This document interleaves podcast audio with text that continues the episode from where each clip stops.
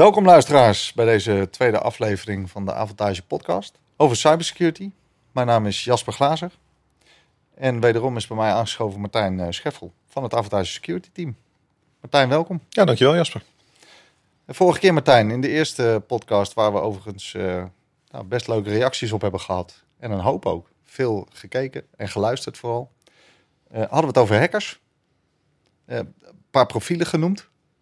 Volgens mij zelfs nog een nieuw profiel aan toegevoegd. Ja, de digitale strikker inderdaad. Ja. ja dat wordt denk ik lastig om internationaal goedgekeurd te krijgen. Maar uh, ik denk dat wij hem alvast op de kaart gezet hebben. Nou, we zullen er verder niet inhoudelijk op ingaan. dan moeten die podcast maar even terugluisteren. In deze aflevering gaan we het hebben over uh, hoe je als organisatie steeds veiliger wordt. En uh, ja, hoe gaan we dat doen? Ja, het is wel een noodzaak om daar iets aan te doen. Als je kijkt in het MKB, daar staat cybersecurity zeg maar bij één van op de acht bedrijven eigenlijk op de directieagenda. En dat is toch wel een, een zorgwekkend iets. Want ja, het hek van de dam, en we hebben het als naam voor onze podcast, maar daar zit natuurlijk wel ook, uh, ja, daar wel een soort tweede betekenis in. Het hek is echt van de dam. Ja, het hek is echt van de dam. En vooral, uh, ja, als je kijkt naar de bedrijven die wij natuurlijk veel als klant hebben in het MKB-segment, ja, daar hebben we nog wel wat werk aan de winkel, denk ik. Ik volg natuurlijk het nieuws ook. En daarin uh, komen heel veel uh, van die zaken ook naar voren. Uh, het hek van de Twitter-account van Donald Trump. We hebben toenemende DDoS-aanvallen. Voor wat, maar dat mag je uitleggen zo, die in Nederland plaatsvinden. En we hebben iets met een corona-app. Maar Donald Trump gehackt? Ja, dat is echt een, een mooi verhaal natuurlijk als je die neemt. het artikel verscheen in, op de website van Vrij Nederland. Heel leuk geschreven artikel ook. En dat ging eigenlijk over een drietal Nederlandse hackers. Ook wel bekend als de Guild of the Grumpy Old Hackers. Dat is een, een groep uh, hackers op middelbare leeftijd, zoals die man het zo mooi verwoordt. Maar waar het in essentie om ging, is dat er in 2013 is er zeg maar een datalek geweest bij LinkedIn. En daar was ook uh, de wachtwoorden database gelekt.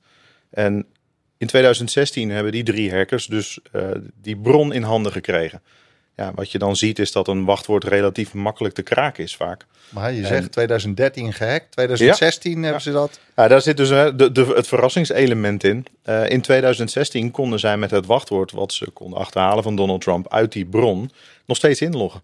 Dus als je dan ziet 2013 de hack geweest, alle leden van, of alle mensen die een LinkedIn profiel hebben, kregen keurig een bericht van joh, wijzig je wachtwoord. Ja, en als je dan in 2016 toch in kunt loggen met het account van Donald Trump op Twitter, ja, dat is toch wel een dingetje. Trump heeft niet geluisterd naar de waarschuwing, zeg maar. Nee, en je ziet daar natuurlijk wel vooral een, een, ja, iets wat je herkent van de mens. het hergebruiken van wachtwoorden, wat natuurlijk wel een serieus probleem is. Um, ja, en bij Trump niet anders. Het enige wat hij wisselde was zijn e-mailadres. Maar ja, op zich kun je daar de variaties natuurlijk ook wel weer redelijk makkelijk verzinnen.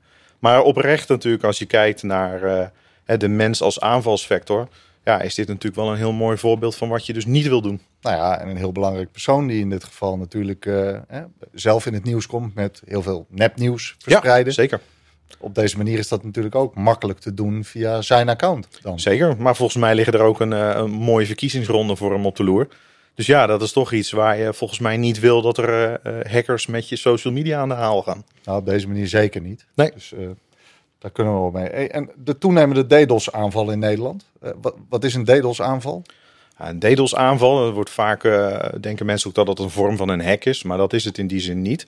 Wat je ziet bij een DDoS-aanval is dat er gebruik gemaakt wordt van heel veel apparaten. Dus denk aan computers of misschien camera's of andere slimme producten. Die je met z'n allen massaal één enkel doelwit aan laat vallen. Dus je kunt je voorstellen als bijvoorbeeld jouw webshop gemaakt is om 10.000 klanten tegelijk te bedienen ja, dat dat toch wel een probleem is als er ineens een miljoen aanvragen per seconde op die website landen. En vaak zijn dat, ja. En wat je ziet is dat het vaak mensen zijn die niet weten dat hun computer besmet is met software die dat kan doen. Ja, of gewoon kwetsbaarheden die ze in slimme apparaten misbruiken. En welke impact kan dat hebben dan? Nou, wat je bij een DDoS-aanval eigenlijk ziet, is dat dus de, hè, laten we als voorbeeld nemen die webshop, die is op een gegeven moment niet meer in staat om dat aantal aanvragen te verwerken. Ja, en dan krijg je dat zo'n pagina niet meer kan worden geladen. Of misschien uh, de server uh, in elkaar stort uiteindelijk, omdat hij gewoon geen systeembronnen meer beschikbaar heeft om het verkeer te kunnen servicen. Maar dit schaadt dus direct een, een onderneming. Ja, wat je in deze, deze DDoS aanvallen zag, is dat het hoofdzakelijk echt internetproviders waren die werden aangevallen. Uh, Kaiway bijvoorbeeld als voorbeeld. Ja, en dan zie je dat als jij natuurlijk een zakelijke internetverbinding daar afneemt, of iets hebt via een verbinding van Kaiway, ja, dat je daar toch wel serieus last van kunt ondervinden. Hè, bedoel, voor een hoop bedrijven is het toch wel een probleem als je een dag omzet zou missen in je webshop. Ja, je kunt gewoon simpelweg je werk niet meer doen. Of datgene Klopt, waarom ja. je je onderneming bent gestart niet meer uitvoeren. Ja, en in dit geval werden er ook mailtjes gestuurd naar enkele van de bedrijven die daar eh, gebruik van maakten. eh, met een vraag voor losgeld. Hè. Dus eh, betaal jij niet, dan gaan we jou, jouw verbinding platleggen. Ja, en dan zie je toch dat dit een hele een lucratieve manier is eigenlijk van afpersen.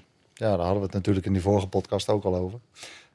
In deze periode, de corona-app, ook een belangrijke, denk ik. Ja, nou, dat is natuurlijk al eentje waar heel veel ophef over geweest is. En dat heeft dus vooral natuurlijk te maken met privacy. Als je kijkt naar van ja, wat weet men over mij? En wat lekt er aan persoonsgegevens op het moment dat ik die app gebruik? En daar was natuurlijk best wel wat, eh, wat commotie over ook. Wat dan wel interessant is om te zien, is dat de journa- journalist Brenno de Winter in dit geval eh, zelf ook door de overheid daarbij betrokken is geweest om toch te gaan onderzoeken hoe het dan gesteld is met die app. En waar we dachten, of misschien gespeculeerd werd, dat er nog een hoop aan persoonsgegevens gebruikt zouden worden. Dat je toch ziet dat die app eigenlijk wel oké is. Inmiddels, hij is zo ver doorontwikkeld Ja, dat... eh, De eerste ronde, daar eh, kwamen een, eh, de deelnemers niet zo rooskleurig uit. Maar inmiddels kunnen we er wel van spreken dat die corona-app wel oké is. Ja. Kortom, die kunnen we zonder problemen inmiddels gaan gebruiken dan. Is die al Daar, gelanceerd? of Daar lijkt het wel. Volgens mij is die vandaag zelfs live gegaan. Wellicht een aanrader dan om, eh, om in ieder geval dit virus uit te bannen? Eh, virussen zullen we het een andere Ja. keer wellicht over hebben dan. Hey, ehm, ja, wat blijkt? Het hek is dus echt van de dam en daar moeten we wat mee doen. Hoe krijgen we dat hek weer op de dam? Ja, kijk, binnen het MKB zijn daar wel, eh, hebben we nog wel serieuze uitdagingen. Eh, om je wat cijfers te noemen. eh 43% van de cyberaanvallen vinden plaats op MKB-bedrijven. En 67% van de MKB-bedrijven ja, die denkt dat zij eigenlijk geen interessant doelwit zijn voor hackers. En dat is natuurlijk best wel een, een gevaarlijke aanname vandaag de dag. Want op het moment dat jij eh, ergens geld verdient, is het voor zo'n hacker natuurlijk al interessant om jou als doelwit te zien. Ja, precies. Zijn dat de enige bekende cijfers? Zijn er nog meer? Nou, daarnaast 55% van de MKB-bedrijven maken zich eigenlijk helemaal geen zorgen om hun veiligheid. Eh, maar ook niet dat van hun bedrijfs- en klantdata. Eigenlijk onterecht. Best een hoog percentage als je dat zo ziet. Ja. Want ja, als je dan ziet, het gemiddelde schadebedrag bij cyberaanvallen in het MKB zit op ruim 78.000 euro. En dat voor een MKB-onderneming. Nou, dat is Dat is serieus geld. Ja. Ja. En waar bestaat die schade uit dan? Ja, als je kijkt naar die schade, dan kan het op een aantal manieren zich uiten. Eh, je kunt denken aan dataverlies, maar ook datadiefstal. Eh, misschien bedrijfsgeheimen.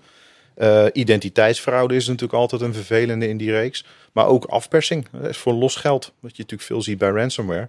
Ja, dat is natuurlijk wel gelijk raak. Simpelweg om je eigen data weer beschikbaar te krijgen, moet je gewoon betalen. Nou ja, eh, dat. Eh, Wij zijn voor, toevallig vorige week betrokken geweest bij een onderzoek eh, van een van onze klanten. Eh, die hadden wat mailcommunicatie met een, met een leverancier. En daar is uiteindelijk een factuur bijvoorbeeld vervalst. Ja, dan zie je dat zo'n onderneming in één klap voor 30.000 euro eigenlijk de mist ingaat. En dat zijn toch wel serieuze bedragen. Ja, dat, kortom, het is niet zo best gesteld met die cyberweerbaarheid dan. En het lijkt ook weinig interesse te hebben van directies dan. Als je dit soort cijfers hoort, dat Ja, is best het zorgwekkend. Wat je vaak ziet is dat het nog een beetje geschaard wordt onder eh, eh, het IT-budget. Dat is natuurlijk altijd een mooie. Als je dan dus kijkt van ja, hoe trek je geld uit voor cybersecurity, dan zeggen bedrijven toch nog wel vaak van ja, maar mijn IT is al duur genoeg en dan moet ik er nog meer aan gaan toevoegen voor cybersecurity. Ja, hoe zit dat en waar ga ik dat dan aan besteden? Nou, het is een fantastisch bruggetje, want het is dus belangrijk voor directies om juist dat inzicht te krijgen.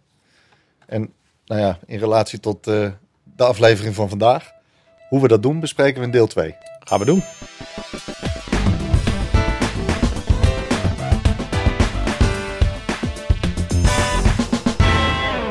En Martijn, zojuist hebben we het gehad over de impact van de cyberaanvallen. En de vraag die daarbij rijst, wat, wat, wat voor risico's lopen die ondernemingen nou eigenlijk? Ja, als je kijkt is dat vooral ook hè, het risico gebrek aan inzicht.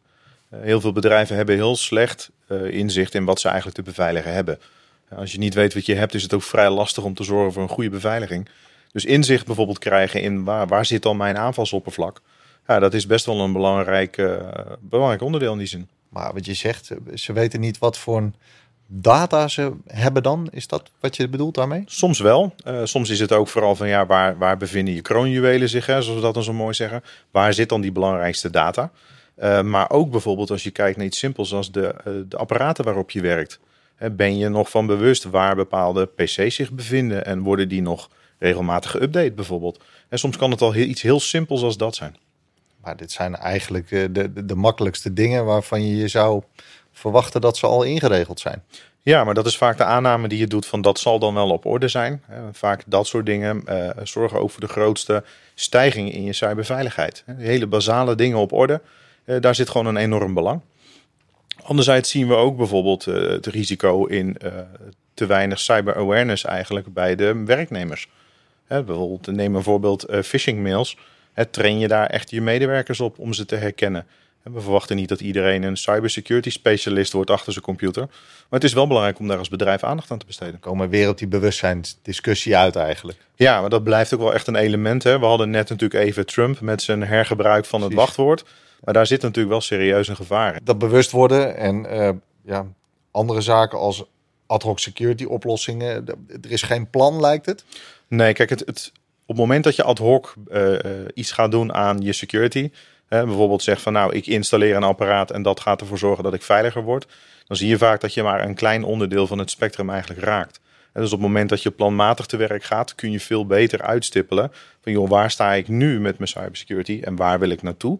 En welke stappen ga ik daar binnen dat, uh, binnen dat pad zetten? Met andere woorden, er is niet voldoende over nagedacht. Of hè, ze kunnen eh, nog er verder over nadenken of veel stappen zetten om juist uh, die cyberveiligheid te verhogen. Maar... Meest, meestal zit daar nog een hoop ruimte in. Hè? Maar ik denk dat je net uh, de spijker op zijn kop sloeg.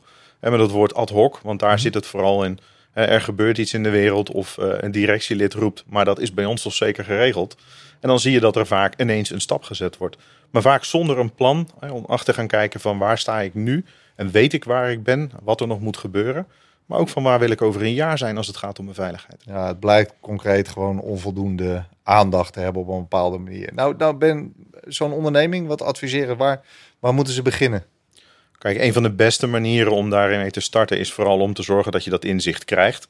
Het klinkt natuurlijk redelijk als een open deur. Maar door inzicht te krijgen in wat je al op orde hebt, maar vooral waar de risico's liggen die je dus nu bewust of onbewust accepteert, ja, daar zijn natuurlijk wel grote stappen te zetten. Want stel dat je ziet dat je misschien nou, van alles wat je kunt doen 10% gedaan hebt. Mhm. Dan is het ook de vraag van waar zit dan die overige 90% in? En als je dan gaat investeren, hoe zorg je er dan voor dat je dat zo efficiënt mogelijk kunt doen? En hebben we daar middelen voor? Hoe kunnen we daar uh, invulling aan geven? Nou, een mooie manier om dat te doen bijvoorbeeld is het uitvoeren van een periodieke assessment. dat klinkt natuurlijk altijd een beetje stijf en stoffig. Maar het is wel een manier om A, inzicht te krijgen in waar sta ik nu. Maar ook B, om goed te kunnen zien van ja, waar moet ik dan eerst in investeren? En soms kan zoiets simpels als uh, ergens een beleid opmaken of een proces borgen al meer opleveren dan misschien je, je dure firewall vervangen voor een nog betere. Dus het is niet altijd een kwestie van een product uh, wat de oplossing biedt. En soms is het gewoon een proces of een stukje, ja, een stukje management. En daar zijn tools en middelen voor? Nou, een heel mooi framework bijvoorbeeld wat je daarvoor kunt inzetten is het, uh, is het SIS-20 model. dat framework is ontwikkeld door het Center for Internet Security. Uh, en dat is ook een internationaal gedragen framework. Uh, je kijkt op die manier tegen je cybersecurity aan door middel van een twintigtal onderdelen. Dus het is best een forse scope die je hebt. Maar die onderdelen geven je wel uh, gegroepeerd inzicht in hoe je ervoor staat op je cybersecurity. SIS-20, een, een, nieuwe methodiek of zo? Nee, het is zeker geen nieuwe methodiek. Het bestaat al wat langer. Het is uh, uh, ontwikkeld door het Amerikaanse SANS. misschien dat je dat wel kent. maar het, het zit hem vooral erin dat je gestructureerd te werk gaat en een framework hebt wat eigenlijk je cybersecurity op alle aspecten raakt die voor jou van belang zijn. Dat kan zoiets simpels zijn als waar bevinden mijn computers zich en heb ik mijn patch management goed ingeregeld. Hele basale dingen, maar wel hele belangrijke dingen. Maar het kijkt ook bijvoorbeeld naar het organisatorische aspect. Hoe ga je om met eh, security awareness bij je eindgebruikers? En wat als je slachtoffer wordt van een ransomware aanval? Heb je dan bijvoorbeeld je incident responsplannen uh, al opgesteld en beschikbaar? Kijk, ik herken natuurlijk pentesting en al dat soort dingen. Maar dit lijkt meer een, een vastomlijnde en gerichte uh, structuur te zijn. Die dus ook echt wat oplevert. En, en, en hoe pak je dat aan dan? Nou, als je kijkt naar dat SIS-model, om daar wat meer even wat context aan te geven. Ja. Je hebt dan die 20 controls en daarmee zegt het SIS-model eigenlijk, daar zit dus je 100% security dekking in. He, dus van 100% van de middelen die je eigenlijk kunt inzetten. we roepen altijd 100% kan niet. Is het ook. 100% is een utopie. Maar het geeft je wel de mogelijkheid om te streven naar die 100%. Mm En dan zul je zien dat niet voor iedere organisatie dat haalbaar is. Maar waar voor de ene, het ene bedrijf misschien die grens op 70% ligt, ligt dat misschien bij een ander wel op 50%. Want uiteindelijk gaat het natuurlijk om vanaf welk moment accepteer je de risico's die je open laat staan. Het is niet concreet een waardeoordeel of iets dergelijks van hoe je het dan geregeld hebt. Alleen maar toch meer bewustwording. Het is hier beleid op maken? Wat, je kunt er zeker beleid op maken, want het voordeel is in het model komen heel veel zaken naar voren die je kunt vertalen naar beleid. Dat is op zich het makkelijk aan het framework. Um, om je wat voorbeelden te geven, eh, het framework bestaat bijvoorbeeld uit drie categorieën. Dus basic, wat eigenlijk de, de essentiële onderdelen zijn van je cybersecurity. Uh, foundational, dat moet je een beetje zien als bouwblokken die je daar weer bovenop kunt leggen. En dan het organizational deel, wat zich echt richt op de cybersecurity in de organisatie. Nou, dat zijn dan twintig hoofdonderwerpen. En al die onderwerpen bestaan allemaal weer uit subonderdelen, waar je dus per onderdeel gaat kijken van ja, heb je dat als organisatie geborgd? Heb je er beleid op? Heb je het geïmplementeerd? Is het geautomatiseerd of doet de mens het nog? Daar zit natuurlijk ook altijd een risico in. Maar op die manier ga je eigenlijk alle onderdelen doorlopen. En dat geeft je ook een, een waardeoordeel van wat je volwassenheid is van je cybersecurity. En, en eh, nogmaals, dat waardeoordeel van die volwassenheid, is die ook in relatie te brengen tot wat die auditors doen, PwC's en dat soort partijen? is een beetje wisselend. Hè? Als je vaak kijkt naar de audits die je uh, bijvoorbeeld vanuit je accountantskantoor kunt krijgen, die richten zich meestal wat meer op van je hebt het goed of je hebt het fout. Uh, dat is uh, even kort door de bocht. Het gaat er meer om van joh, je hebt dit wel of je hebt dit niet. Waar je ziet dat een cybersecurity assessment geeft je vooral inzicht van wat heb je nou wel. Er zijn best dingen die je vaak goed op orde hebt. Maar waar ligt dus ook de ruimte om nog te groeien daarin? En dat geeft in het totaalplaatje een heel mooi beeld niet alleen waar dus je quick wins liggen, dus dingen die je op een hele korte termijn eigenlijk kunt, kunt tackelen en kunt regelen, maar ook op de langere termijn een soort visie, een strategie kunt geven om uh, je cybersecurity mee te nemen in de toekomst. Dus je groeit eigenlijk naar een bepaalde volwassenheid, een volwassenheidsniveau. Ja, dus wat past, wat past bij jouw organisatie? Uh, bij de, uh, het CIS-model onderscheidt daar een aantal groepen in hè, waar je een bedrijf in kunt plaatsen. Mm maar het verschilt natuurlijk heel erg wat voor organisatie jij bent. Wat ook een redelijk uh, percentage volwassenheid zou zijn. Want die 100 procent, uh, we even uitgaan dat dat een utopie is. Maar als jij heel veel te maken hebt met persoonsgegevens, zou het zomaar kunnen zijn dat voor jou dat percentage toch hoger moet liggen. Uh, als misschien voor een kleine organisatie die, uh, een, uh, die dat niet heeft. Dus wat voor de ene organisatie geldt, hoeft niet per se voor de andere organisatie te gelden. Nee, als je in het, in het CIS-model kijkt, hè, dan noemen ze het bijvoorbeeld implementatiegroepen. En ehm, afhankelijk van welke groep jij valt, hè, dat zegt ook iets over de volwassenheid van jouw bedrijf. Afhankelijk van welke categorie jij dus in zit, zijn er ook een aantal van die zeg maar, meetwaarden van toepassing en een aantal niet. Dus ben jij bijvoorbeeld een grote multinational, ja, dan neem je al die onderdelen mee in die meting.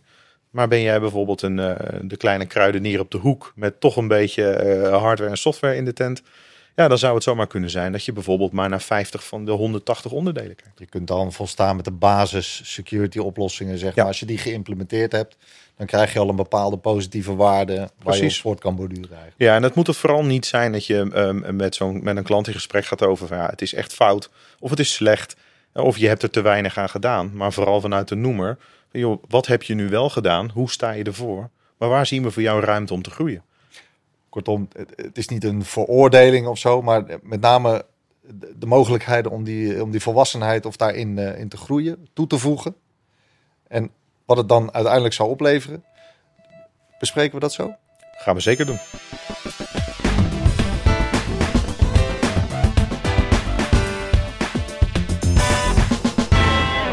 Martijn, we hadden het net over die uh, SIS-controls. Uh, waar ik nou benieuwd naar ben, hoe, hoe ziet zoiets eruit? Hoe pak je dat aan? Ja, kijk, als je zo'n assessment gaat uitvoeren, dan zitten daar natuurlijk wel een aantal stappen in die je gaat zetten. Een van de eerste stappen die we doen is het uh, een zogenaamde scoping sessie. Waar we dus met de organisatie waar we de assessment voor doen, gaan kijken van waar zien we jou zitten in de verschillende groepen waar je een organisatie in kunt plotten. en, en vindt de klant dat eigenlijk ook dat zij daarin horen? Het zou zomaar kunnen zijn dat je daaruit ook uh, kiest om misschien een andere implementatiegroep te nemen, als dat waar je in instantie van uitgegaan bent. Nou, in de praktijk zien we dat dat over het algemeen wel sluitend is. Maar je wilt ook dat je die assessment echt samen met zo'n klant doet. Dus het is ook heel belangrijk dat zij ja, ook onderdeel zijn van dat hele proces. Ja, lijkt me ook logisch. Het is in hun belang ergens. Ja, maar je wil ook dat het, een, eh, dat het de organisatie vooral ook helpt. En het geeft natuurlijk ook een, een gevoel dat je het met elkaar doet. Hè. Dat vind ik ook heel belangrijk in die assessment. Maar ook, er zit ook impact in voor de organisatie zelf. Als je bijvoorbeeld kijkt, we zijn nu met een assessment bezig en die klant die uh, ontwikkelt zelf software bijvoorbeeld. Dus een aantal van die controls waar je doorheen loopt raken bijvoorbeeld softwareontwikkeling. Nou, op het moment dat je daar natuurlijk iets over moet roepen in zo'n assessment, zul je ook tijd en ruimte nodig hebben van die klant om met misschien een developer om tafel te gaan zitten en te zeggen, joh, hoe heb je bepaalde zaken geregeld? En, en ja, is dat allemaal wel op orde wat je daar hebt? Hè? Of zit daar nog ruimte in voor groei bijvoorbeeld? Nou, die scoping sessie om te bepalen welke onderdelen er dan binnen zo'n onderneming aan moeten haken om eigenlijk een totaal en goed beeld te scheppen. Onder andere, maar ook dat, dat de klant zich ook bewust van is dat het dus ook tijd vergt. Hè. Over het algemeen is dat natuurlijk altijd wel al duidelijk. Maar dat je ook nogmaals benoemt van joh, we gaan dit wel met elkaar doen. En er is dus ook een x hoeveelheid tijd die we van jou nodig hebben. Als voorbeeld bijvoorbeeld, een aantal van die controls richten zich natuurlijk echt op de organisatie zelf. Ik noemde net bijvoorbeeld al uh, software development, maar ook cybersecurity awareness. Ja, dat is niet iets wat je aan een techneut vraagt hoe je dat geborgd hebt. Dat is natuurlijk echt iets wat een organisatie, vaak een IT-manager, uh, die zal daar toch iets over moeten roepen. Heb je daar plannen voor gemaakt? Of, of is dat eenmalig? Of wat voor soort content stop je daarin? Dus dat zijn allemaal onderdelen waar je wat meer de organisatie raakt en eigenlijk wat minder, uh, zeg maar, echt de harde techniek. Maar dat is natuurlijk heel belangrijk. Hè? Harde techniek is heel tastbaar. Maar je zegt nu eigenlijk, er zijn ook veel ja, minder tastbare onderdelen die uit die controlset naar boven komen. Ja, ze zijn wel tastbaar, want je kunt ze wel meten. Want het belangrijkste is, als je het niet kunt meten, heeft het eigenlijk geen waarde voor dat assessment. Maar ze richten zich meer op een kant. wij als IT-dienstverlener bijvoorbeeld, ja, zijn vaak wel bezig met de technische kant, hè, de service, de werkstations en alle andere dingen. Maar hoe cybersecurity awareness geborgd is binnen een organisatie, ja, dat zul je toch echt bij de bron moeten gaan halen. Ja, kortom, je hebt gewoon antwoorden nodig van zo'n onderneming om invulling te geven en daarmee het resultaat bepalen van wat de assessment je biedt. Ja, en als je dan kijkt, het organisatorische deel zijn dat soort onderwerpen. Ehm, als je echt gaat kijken naar de technische inhoud in, die, in, in dat SIS-20-model, ja, dan zul je bijvoorbeeld met uh, misschien een systeembeheerder om tafel zitten. Waar je bijvoorbeeld uitvraagt van, joh, op het moment dat er een beheerder inlogt, wordt er dan multifactor authenticatie toegepast? Heb je patch management ingeregeld? Doe je dat voor uh, je besturingssysteem of voor ook alle losse applicaties? Dus dan ga je ook echt naar hele tastbare onderdelen. Uh, die echt veel zeggen ook over de maatregelen die je getroffen hebt. Dus eigenlijk is het ook belangrijk om meerdere mensen vanuit zo'n onderneming aan te laten haken bij, uh, bij zo'n onderzoek of bij zo'n assessment. Om ja, je kunt, eigenlijk niet anders. je kunt eigenlijk niet anders in die zin. Want je hebt enerzijds natuurlijk hè, de IT-dienstverlener nodig. Nou, een hoop van onze klanten zijn wij dat. Maar ook in een hoop gevallen zijn wij daar niet de enige in. Uh, een mooi voorbeeld daarvan is bijvoorbeeld telefonie. Bij heel veel klanten doen wij natuurlijk het IT-beheer voor de klant. Maar is er ook een partij aangehaakt die de telefonie bijvoorbeeld doet? Ja, ook met die partij zul je om tafel gaan en ook een aantal van die controls echt doorlopen. Om ook zeker te zijn dat zij bijvoorbeeld diezelfde maatregelen getroffen hebben. Ja, die spelen een belangrijk onderdeel in het geheel dan uiteindelijk. Ja, want zo'n controle, neem als voorbeeld dat patchen bijvoorbeeld van, eh, laten we een server zeggen. Uh, dat geef je een waarde in de vorm van een percentage. Dus uh, heb je dat hè, met stappen van 25% bijvoorbeeld. Dus ja, of je dat voor 50 of voor 100% gedaan hebt, daar speelt natuurlijk zo'n leverancier uh, en wij als IT-leverancier natuurlijk een rol in in dat totaal. Ja, die moeten wel meedraaien in hetzelfde stramien, want anders, ja, anders verstoren zij eigenlijk de waarde. Anders mis je een stuk dekking natuurlijk op de eindscore die je uiteindelijk hebt. Ja. Hey, als de resultaten bekend zijn, uh, wat doen we dan? Wat zijn de vervolgstappen? Nou, als we natuurlijk de resultaten uh, gemeten hebben, om het even zo te zeggen, um, dan zal het voor ons een moment zijn waar we ook een analyse uitvoeren van die gegevens. En ja, daarin zien we vaak heel mooi waar er dus onderdelen zijn waar zo'n organisatie echt kan groeien in cyberveiligheid. En dus een logisch vervolgstap, los van het feit dat we daar natuurlijk een rapport van maken. Een logische vervolgstap is natuurlijk ook dat je die resultaten gaat delen met de organisatie waarvoor je het assessment doet. En dan, eh, wat plat gezegd, gaan we dan spulletjes weer implementeren? Moeten ze dan additionele componenten aanschaffen of waar moet ik aan denken? Het is een beetje wisselend. Als je kijkt naar de, de scope van zo'n assessment, hè, dan dekt dat zoveel verschillende onderdelen, maar ook simpele dingen als het uh, hebben van bepaalde processen. Dus het kan zijn dat uit, uh, uit die assessment komt dat je misschien moet investeren in tijd om bepaalde processen op te zetten. Of misschien dingen vast te leggen. Denk aan inventarisatie van wat je te beveiligen hebt. Is eigenlijk simpelweg bijhouden. Maar het zou ook kunnen zijn dat je zegt, ja, je mist een apparaat bijvoorbeeld. Wat een specifieke rol vervult. Maar meestal zul je zien dat het vaak afstemming ook is wat eruit moet komen tussen eh, de klant en de IT-leverancier. Om een aantal dingen gewoon simpelweg te borgen en te doen. Kortom, ook een stukje beleid uh, hoor ik je zeggen dan Eh, het bedrijf moet ook meedenken in hoe implementeren we dat, hoe, hoe leggen we dat vast en hoe structureren we dat. Ja, absoluut. En hoe groeien we dan ook naar een volwassenheidsniveau wat dan bepaald wordt vooraf? Of... Ja, kijk, wat je niet wil van zo'n assessment is dat je het eenmalig doet en het uitprint aan de klant geeft en ze het in de kast leggen. En vervolgens denken, nou, we hebben het gedaan, dus die hebben we alvast in onze zak zitten. Kijk, het uiteindelijke doel van zo'n assessment is natuurlijk dat je wat doet met de output. Dat klinkt natuurlijk als een schot voor open doel. Maar het is wel belangrijk dat je die output heel goed kunt vertalen in een aantal doelen die je kunt stellen. Dit kan zomaar zijn dat er een aantal quick wins uit te halen zijn. Dus een aantal onderdelen die je gewoon afspreekt te gaan doen of aanschaft of implementeert op korte termijn. Maar het is ook een, een assessment van strategische aard. Dus je wil ook kijken van oké, dan heb ik dat dit jaar gedaan. Wat zou nou iets zijn wat je bijvoorbeeld mee kan nemen in de begroting van volgend jaar? dat je dus over de termijn ook uiteindelijk bezig blijft met die cybersecurity. Die cybersecurity, ik kan me ook voorstellen dat het in ontwikkeling blijft. Hè? Dus dat je ook eigenlijk daar, hè, dat bevestig je eigenlijk, een continu proces voor moet maken. Uh, omdat de ontwikkeling van cybersecurity, hacks, aanvallen of wat dan ook, ook natuurlijk uh, dagelijkse kost zijn voor uh, degene die binnen willen dringen. Ja, absoluut. Maar het framework zelf vanuit CIS is ook in ontwikkeling constant. Uh, en daar, net wat je zegt, op een bepaald moment dat controls misschien niet meer toereikend zijn voor dat moment, dan kan er ook een revisie komen op het framework. Wat weer beter aansluit bij eh, de dreigingen die je op dit moment weer veel ziet in de buitenwereld. Dus het groeit mee. Ja, het groeit mee. En het idee daarachter is natuurlijk ook dat je dat assessment niet eenmalig doet. De, de eerste initiële geef je natuurlijk inzicht waar je staat. Maar op het moment dat jij allerlei maatregelen gaat treffen, wil je natuurlijk ook over de termijn kunnen zien wat het je oplevert. Ehm, ja, en je ziet dat vaak zo'n assessment gebruikt wordt om uh, bijvoorbeeld enerzijds als input voor uh, een raad van bestuur. Uh, anderzijds misschien gebruikt wordt om budget los te krijgen hè, bij het hoofd IT. Ja, en dan wil je toch dat je ook kunt laten zien dat die investeringen die je doet eigenlijk bijdragen aan jouw cyberveiligheid. Je, dit moet een continu proces zijn, dat zeg je eigenlijk. Ja, ik denk dat het proces van inzicht een van de belangrijkste is als je echt wil gaan werken aan je veiligheid. Ja, en dat is niet iets wat je eenmalig doet. Dan heb je natuurlijk eigenlijk een momentopname van nu ja, morgen kan dat zomaar weer anders zijn. Is zonde. Dan heb je eigenlijk een desinvestering gedaan in het geheel. Ja, kijk, er gaat in zo'n assessment een hoop tijd zitten. Ik bedoel, dat is nou eenmaal zo. En je analyseert heel veel onderdelen van je, van je organisatie. het zou zonde zijn als je die investering doet en het dan vervolgens in de kast legt en denkt, nou, die hebben we. Toch, ja, het is volgens mij niet waarvoor je een assessment wil gaan afnemen. Nee, daar kan me iets bij voorstellen. Maar mede ook, hè, en dat is ook iets wat ik eruit opmaak, uh, dat partijen die dit zouden willen doen, hè, toch al een bepaalde bewustwording hebben, een bepaalde gradatie van security geïmplementeerd hebben, uh, daar ook waarde aan hecht op een bepaalde manier. Dus kan ik me voorstellen, voor deze onderneming is dat heel waardevol. Maar we komen denk ik ook, of tenminste persoonlijk kom ik partijen tegen die helemaal aan het begin staan van, uh, van iets wat cybersecurity heet en misschien nog helemaal niet weten waar ze überhaupt aan moeten denken. Hoe kunnen we daarmee omgaan? We hebben natuurlijk net al even teruggekeken. Één op de acht bedrijven waar het op de agenda staat bij de directie. Nou, ik denk dat je daar een heel mooi voorbeeld hebt. Nee, zo'n assessment is niet in alle gevallen de oplossing. Dat, je moet wel serieus al bezig zijn met iets rondom je cybersecurity voordat het zin heeft om zo'n assessment te doen.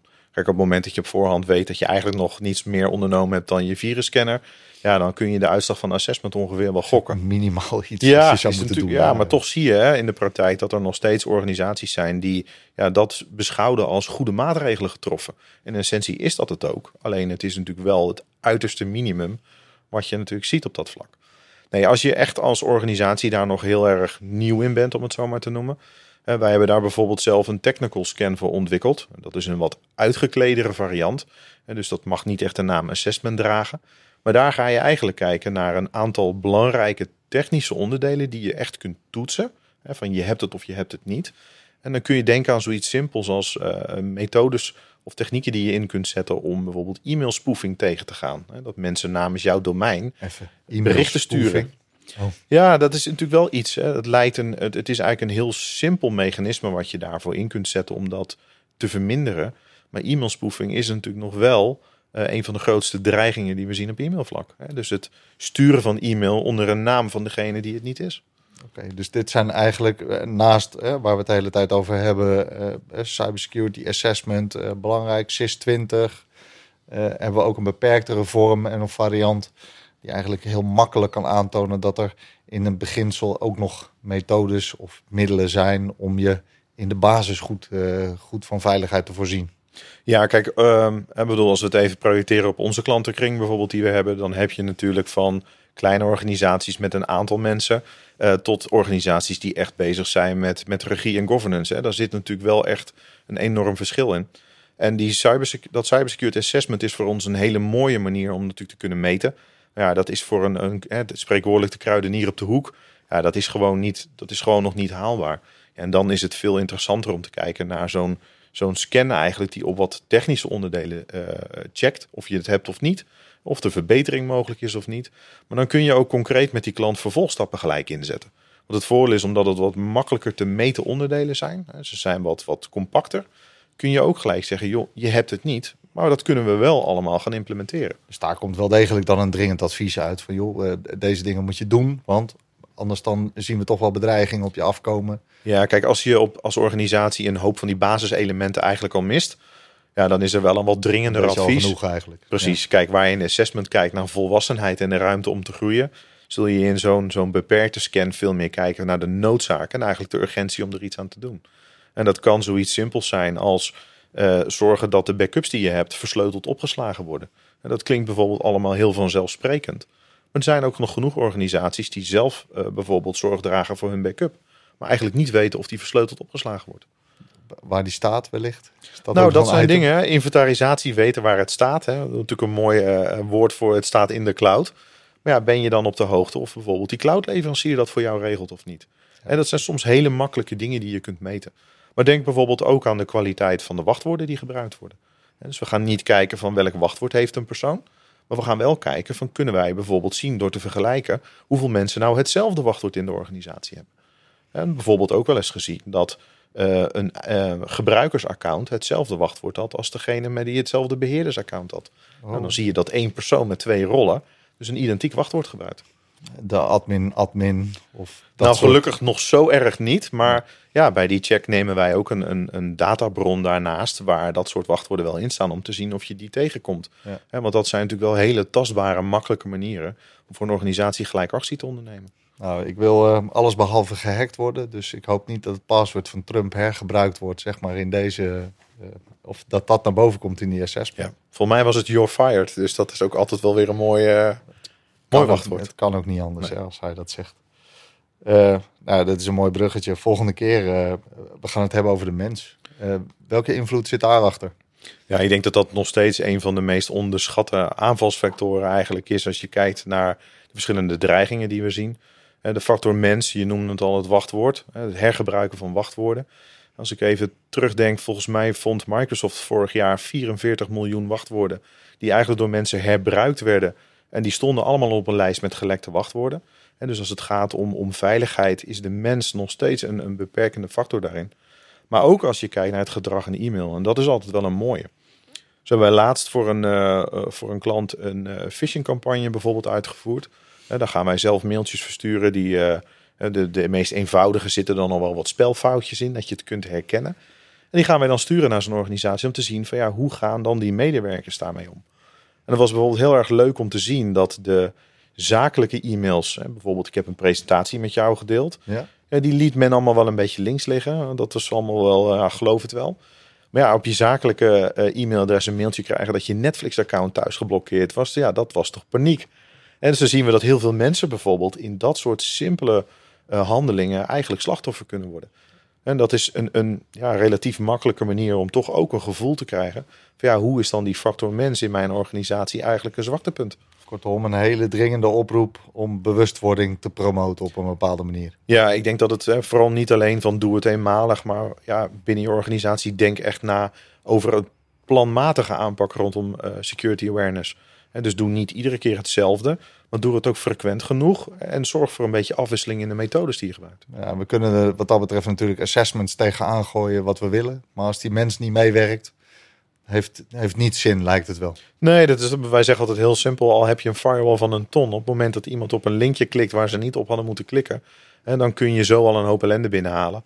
Ja, en als we net even teruggrijpen op dat voorbeeld van... Uh, ja, waar je eigenlijk ziet dat er geld buitgemaakt wordt door e-mailfraude ja, je wil toch niet het slachtoffer zijn van die 20, 30.000 euro die even zo je deur uitwandelt. Nee, nou ja, ik denk een goede aanleiding om, uh, om eens in te zoomen op de mens.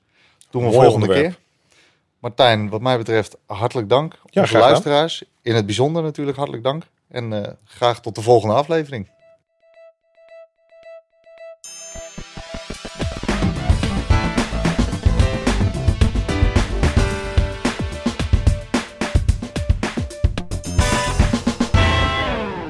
Deze podcast wordt je aangeboden door Avantage. Avantage makes IT simple.